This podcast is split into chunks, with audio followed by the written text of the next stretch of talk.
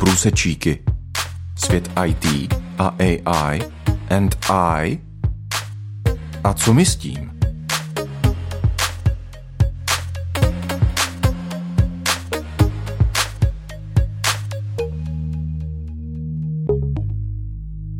Hezký den, milí posluchači. Na Rádiu 7 právě začíná pořad Průsečíky, u kterého vás vítá moderátor Petr Matoušek.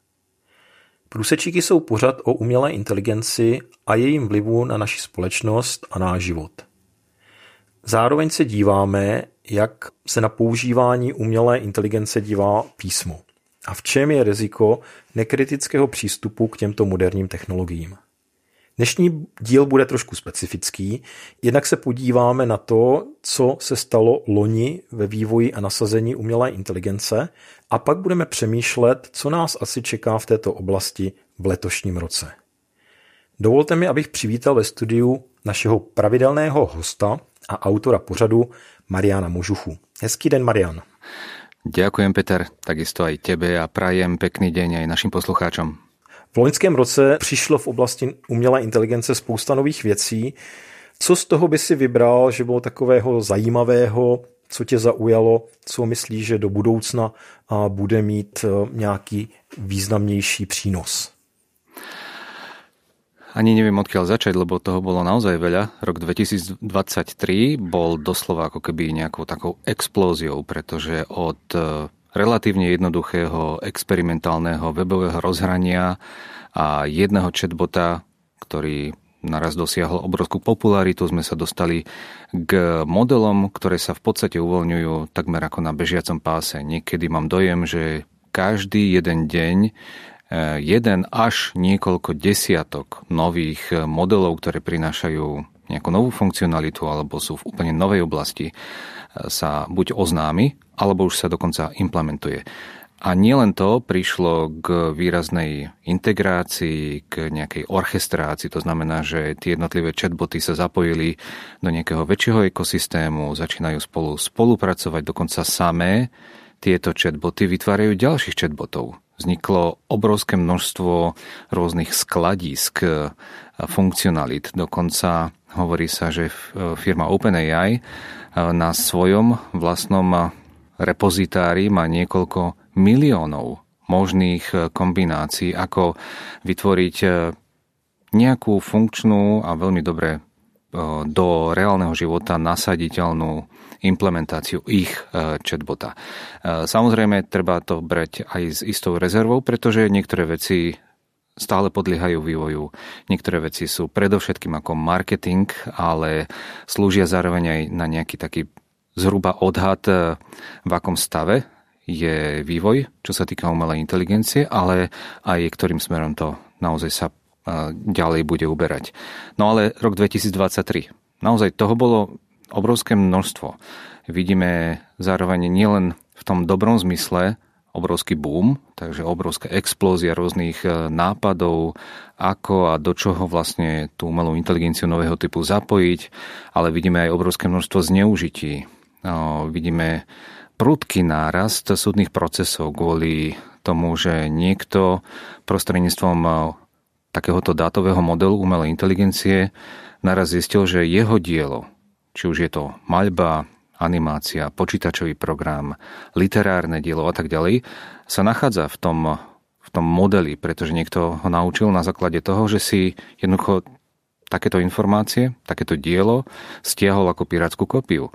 Vidíme tu obrovské množstvo no, kampaní, ktoré zneužívajú túto sílu umelej inteligencie na to, aby šírili dezinformácie, aby šírili mnohé ďalšie veci, ktoré v podstate už sú na úrovni nielen relatívne neškodného, ale predsa len na znepokojivého obsahu, ale sú vyslovne na zneužitie citlivých dát, krádež citlivých dát, presvedčenie alebo snaha o presvedčenie ľudí na nejakú konkrétnu politickú stranu alebo nejakú marketingovú kampaň a tak ďalej, ale takými skôr podpásovými spôsobmi. Je tu obrovské množstvo ďalších možností, ako sa to bude rozvíjať a naozaj rok 2023 priniesol jednu obrovskú otázku. Kam to vlastne všade speje? A tam vidíme, že umelá inteligencia zasiahla do takéhoto uvažovania veľmi výrazne, pretože mnohí ľudia sa pýtajú, či vlastne nie sme na Prahu nejakej super umelej inteligencie, ktorá začne vládnuť nad ľuďmi, ktorá ich odstaví od výrobného procesu, od rozmýšľania, od rozhodovania, dokonca od rozhodovania nad svojim vlastným životom, či nebude vlastne zasahovať príliš do súkromia, či nebude ovládať ľudí, či ich nezotročí a tak ďalej. Takže rok 2023 priniesol množstvo otázok. Množstvo, ktoré sa nezodpovedali, pravdepodobne sa ani nezodpovedajú tento rok a bude to viac menej kvasiť, pretože legislatíva, ktorá to mala ošetrovať, ako keby viazla, dokonca aj pripravovaný zákon o umelej inteligencii na úrovni Európskej únie, Napriek tomu, že už bol odsúhlasený jednotlivými národnými parlamentmi, došlo k výraznému narušeniu funkcionality tohto zákona kvôli dodatkom, ktoré tam v podstate nemali byť podľa mnohých expertov. Takže rok 2023 sa pravdepodobne zapíše ako takými šedými písmenami. To znamená množstvo protirečiacich trendov, mnoho výsledkov, ktoré prinieslo len a len otázniky. Marian, asi s tebou musím než souhlasit, když eh, si vzpomenu na všechny ty různé mediální zprávy, odborné články i eh, různé předpovědi, tak eh, je pravda, že v tom roce se stalo spousta věcí a ne všechny byly pozitivní. Zkusme se teď eh, zamyslet nad tím, eh, co nás čeká v letošním roce. Když sleduješ diskuzi, když sleduješ vývoj v oblasti umělé inteligence, jaké trendy se tam objevují a co asi od umělé inteligence letos můžeme čekat? Tak rok 2023, tým, že vlastne bol taký obrovský nábeh a obrovské množstvo objavov, teda v porovnaní s tým, že dovtedy nič nebolo a naraz sa niečo objavilo, prúdko, nečakane, už sa nepredpokladá, že rok 2024 prinesie radikálne nový obsah alebo nejaké, e, nejakú funkcionalitu, ktorá predčí všetky ostatné o niekoľko rádov.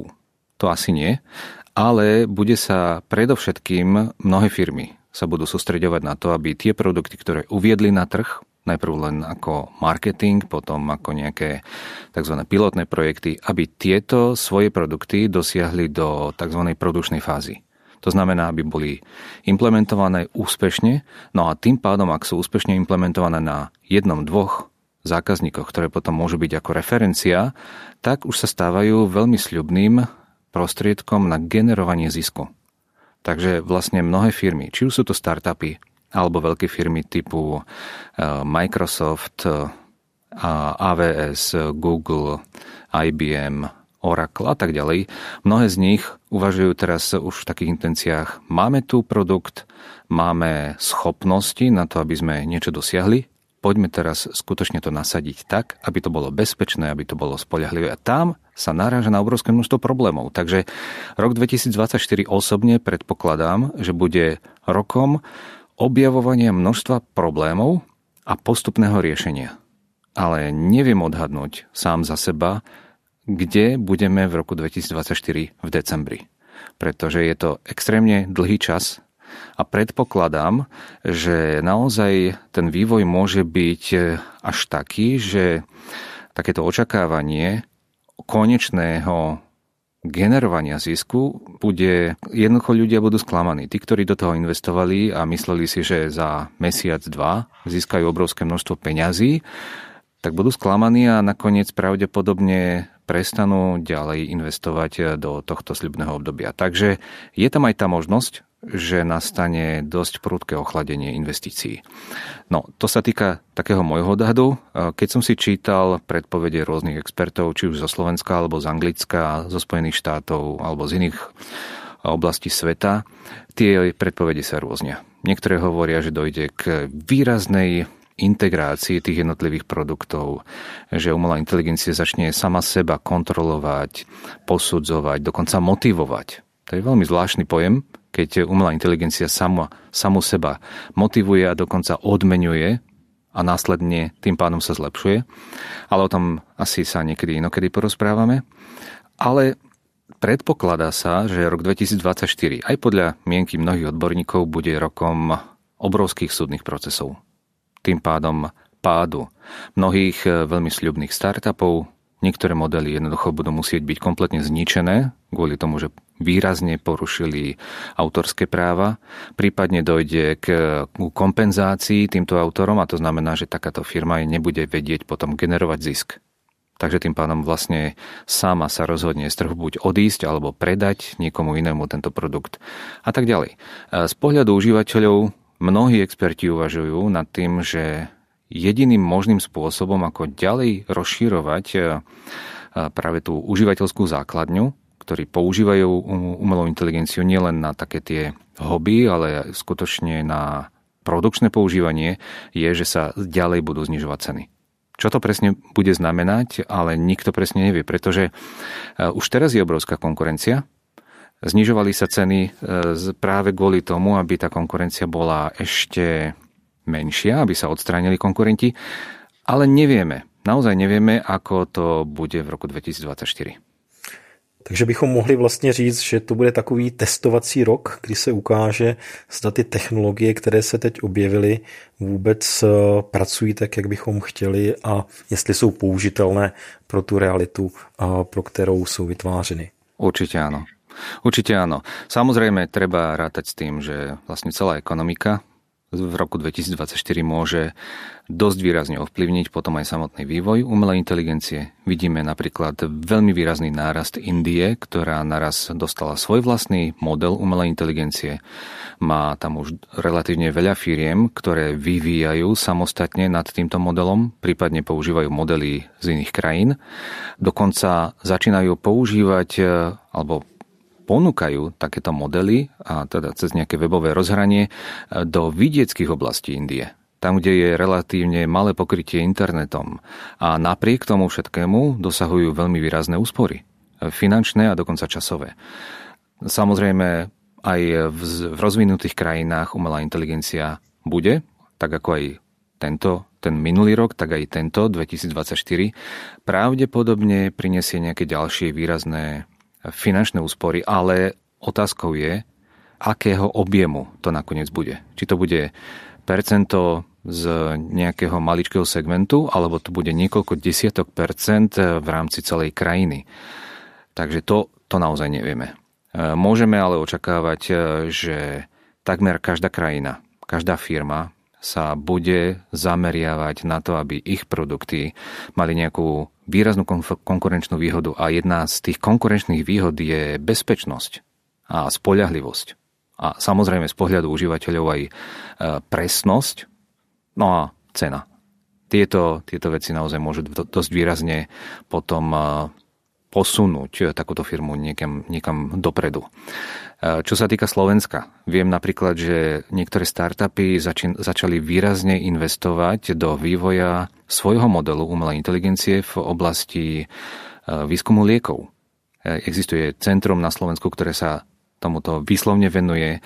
Ďalej je tu niekoľko výrazných marketingových stratégií, kde modely umelej inteligencie nielen na Slovensku, ale aj v Strednej Európe, v Európskej únii začínajú výrazne profitovať na tom, že používajú umelú inteligenciu a ráta sa dokonca, že práve v tej, oblasti marketingu a finančných inštitúcií tam pravdepodobne v tomto roku dojde k výraznému šetreniu vďaka umelej inteligencii a tým pádom bude výrazne vidieť, ktoré firmy myslím teda banky, poisťovne a tak ďalej, už majú implementovanú umelú inteligenciu a výrazne ju aj využívajú a tie, ktoré nie. Tým pádom vlastne dojde asi nejakým spôsobom dojde k premiešaniu na trhu. Ale, ako hovorím, to je všetko vec, ktorá sa ukáže naozaj až v tom decembri. Na začátku si zmínil, že ne všechny věci, které se vyvíjejí v oblasti umělé inteligence, respektive v loňském roce, objevily, že jsou pozitivní.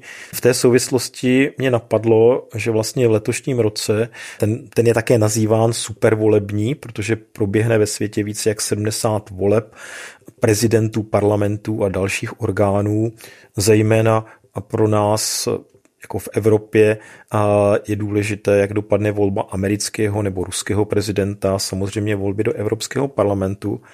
Když se podívám do minulosti, tak si vzpomínám, jaká před několika lety byla velká kauza ohledně ovlivňování veřejného mínění skrze eh, strojové učení, kauza firmy eh, Cambridge Analytics. Nyní s tím velkým vývojem umělé inteligence myslíš si, že můžeme očekávat podobné hrozby nebo zneužívání těchto technologií v rámci předvolebního boje? No, nie, že si myslím, to je takmer úplne isté. Už vlastne teraz, ako prebiehajú prípravy na prezidentskú kampaň v Spojených štátoch, už sa začali doslova rojiť e, rôzne chatboty, ktoré hlasovým spôsobom komunikujú buď s užívateľmi pasívnym spôsobom, alebo dokonca proaktívne fungujú ako tzv. robocall. To znamená náhodným alebo takmer náhodným spôsobom zatelefonujú niekomu to je integrácia na telefonickú službu. A takýto robot im prostredníctvom hlasu, ktorý je vygenerovaný a ten hlas e, je vlastne hlas veľmi, veľmi podobný buď súčasnému americkému prezidentovi alebo jeho najväčšiemu konkurentovi v prezidentských voľbách, pravdepodobne najväčšiemu konkurentovi e, Trumpovi, alebo niektorí ďalší politici sa prihovárajú takémuto relatívne bežnému voličovi a snažia sa ho presvedčiť o svojich politických názoroch alebo ho motivovať, aby nešiel voliť alebo šiel voliť. A tam už vidno, že toto je kompletne zahranou, pretože títo ľudia alebo ten, tento robokol sa nepredstaví, že on je vlastne produkt umelej inteligencie a snaží sa ho o niečo, čo nie je celkom legálne. A samozrejme, že keď niekto robí nejakú podvodnú činnosť, tak sa neprestaví, že ide ho, pod, ide ho podvádzať. To, to nikto nechce tvrdiť, že také niečo by aj bolo možné, ale vidno tam práve zvyšujúcu sa kvalitu takýchto podvodov a náchylnosť ľudí uveriť, že sa rozprávali s niekým veľmi dôležitým.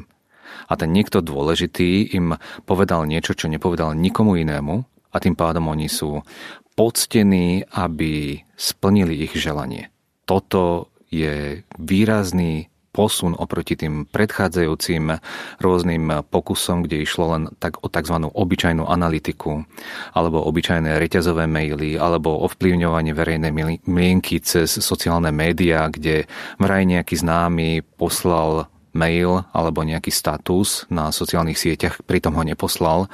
Teraz ide o to, že v podstate ako keby došlo k tzv. priamému marketingu a títo ľudia sa ocitávajú v pozícii obeti, pretože nevedia alebo nechcú vedieť, že boli oklamaní. Tak to len tak v krátkosti, pravdepodobne sa niekedy o tom ešte dlhšie porozprávame. Nechcel by som teda teraz predbiehať. Souhlasím, určitě to je téma na delší rozhovor.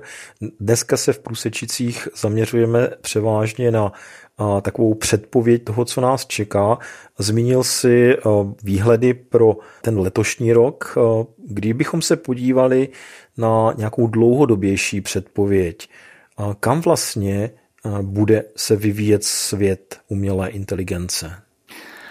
Tak takýchto predpovedí je relatívne veľa. Robia ich predovšetkým také tie známe analytické spoločnosti ako Gartner, McKinsey, Pricewater, Ernst Young, prípadne niektoré známe finančné inštitúcie takisto uverejňujú niektoré celkom dobré, a myslím teda v tom zmysle, že seriózne predpovede aj ohľadom umelej inteligencie.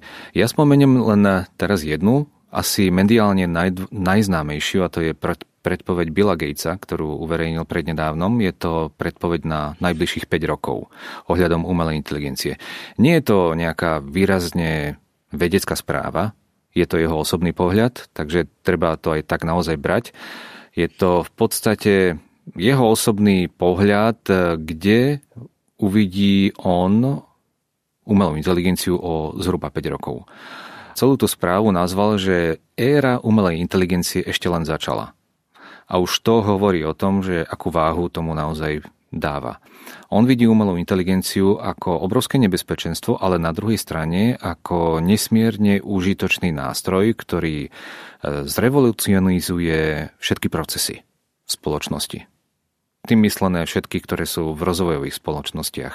V tých krajinách, kde už existuje nejaká automatizácia, tak tá automatizácia dosiahne absolútneho stupňa, kde umelá inteligencia bude môcť vlastne ovládať stroje a tie stroje budú natoľko flexibilné, že vykonajú všetko, čo človek by inak potreboval vykonať pomocou celej armády rôznych servisných technikov, prípadne preorganizovania, rozsiahleho preorganizovania celej továrne alebo továrni predpokladá, že umelá inteligencia naozaj prinesie zásadné zmeny do života ľudí, toho bežného, ale aj do celého výrobného procesu, do toho, ako sa učia, ako cestujú, do zdravotnej starostlivosti a dokonca ako komunikujú medzi sebou.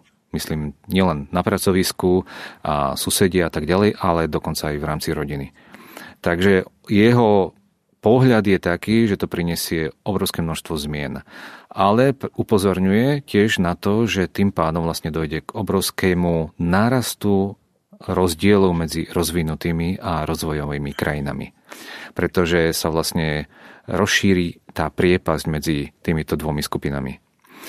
Samozrejme, okrem toho existuje množstvo ďalších predpovedí. Z nich vyberiem asi len jednu v rámci nemenovanej e, analytickej spoločnosti, preto ju nemenujem, lebo e, nemám nejakú veľkú dôveru k nej, ale predsa len táto predpoveď je taká typická. E, je to o tom, že predpokladá vznik tzv. tmavej umelej inteligencie. To znamená nie len pár ojedinelých prípadov, keď umelá inteligencia, teda jej dátový model, bol zneužitý hackermi, ale že vlastne vznikne celá doslova ríša množstva skupín a podskupín modelov umelej inteligencie, ktoré e, v podstate budú mať otvorený zdrojový kód, e, necenzurované všetky jazykové modely, to znamená bez akejkoľvek etickej regulácie a budú tým pádom predstavovať e, cestu pre škodlivé využitie na čokoľvek, na finančné podvody, organizovaný zločin, terorizmus dokonca.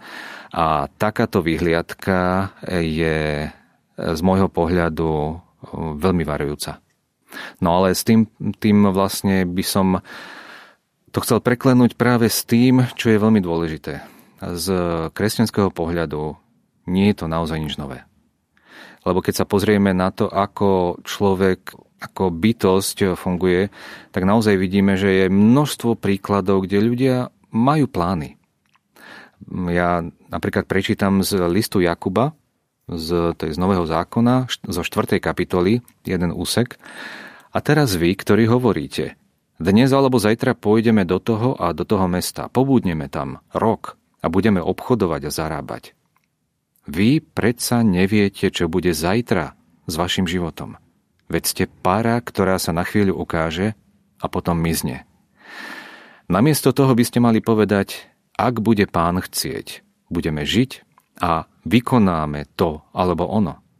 Teraz sa však vychvaľujete vo svojej vlastnej píche. Takáto pícha, samochvála je zlá. Suma sumárum toho je, že naozaj nevieme, čo bude s nami zajtra. A takéto predpovede, hoci sa zdajú byť veľmi seriózne, my uvidíme až neskôr, či naozaj sa stali alebo či tie plány a predpovede neboli naozaj len na vode. A z tohto pohľadu by som veľmi zdôraznil práve to, čo som teraz pred chvíľou prečítal. Ak bude Pán Boh chcieť, ak to dovolí, tak vtedy sa to naozaj stane. V Biblii je písané o tom, že mnohí ľudia očakávajú, že sa naplnia tie predpovede, ktoré sa v písme zmienujú o tom, že príde súd, súd Boží na celé ľudstvo. Ale Zároveň v Božom slove je písané u Matúša v 24. kapitole, že o tom dni alebo o tej hodine nikto nevie. Ani anieli v nebi, ani syn, jedine otec. Nikto teda nevie z ľudí a budúcnosť. Nemôžeme si ju teda nejakým spôsobom naplánovať a urobíme, pretože vieme všetko odhadnúť a tak ďalej. No a Spomenul by som ešte jeden taký veľmi vhodný biblický text a to je z knihy Zjavenie, z poslednej knihy, z 21. kapitoly 5. verš. Prečítam. A ten, ktorý sedel na tróne, povedal Hľa, robím všetko nové. A potom povedal Napíš, lebo tieto slová sú verné a pravdivé. A prečo som to vlastne povedal? Pretože je tu veľmi dôležitý pojem. Pán Boh hovorí, hľa, činím všetko nové. A z môjho pohľadu je práve toto tá najlepšia a najrealistickejšia predpoveď do budúcnosti. E, Biblia je naozaj najvernejší popis toho, čo príde.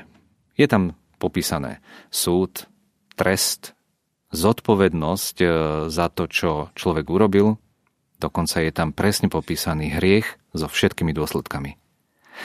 A je to popísané až na úroveň každého človeka. Nikto sa pred e, Božím trestom neskrie. Ale je tam zároveň veľmi dôležitý fakt, ktorý je pre každého človeka. Bez ohľadu na to, že či si plánuje veľmi, tak veľmi starostlivo, ako prežije tento život, alebo nie.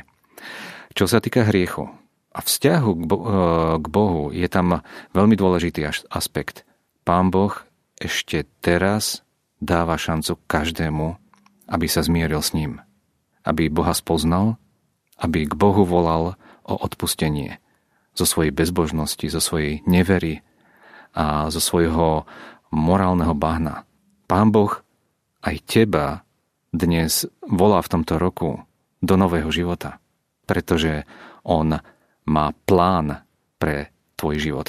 Toto je, myslím, tá najlepšia predpoveď toho najinteligentnejšieho Boha, ktorý je živý, ktorý sa prihovára a ktorý volá každého k sebe, aby mal väčší život.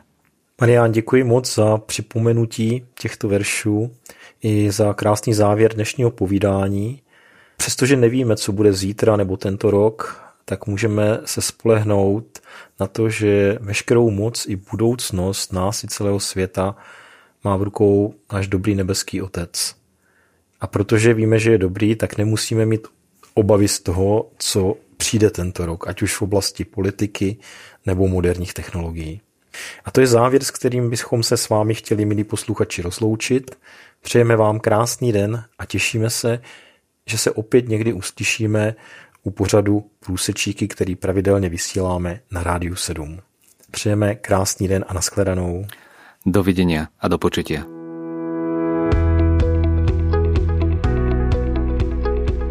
Podcast Průsečíky vznikl na Rádiu 7, které žije z darů posluchačů.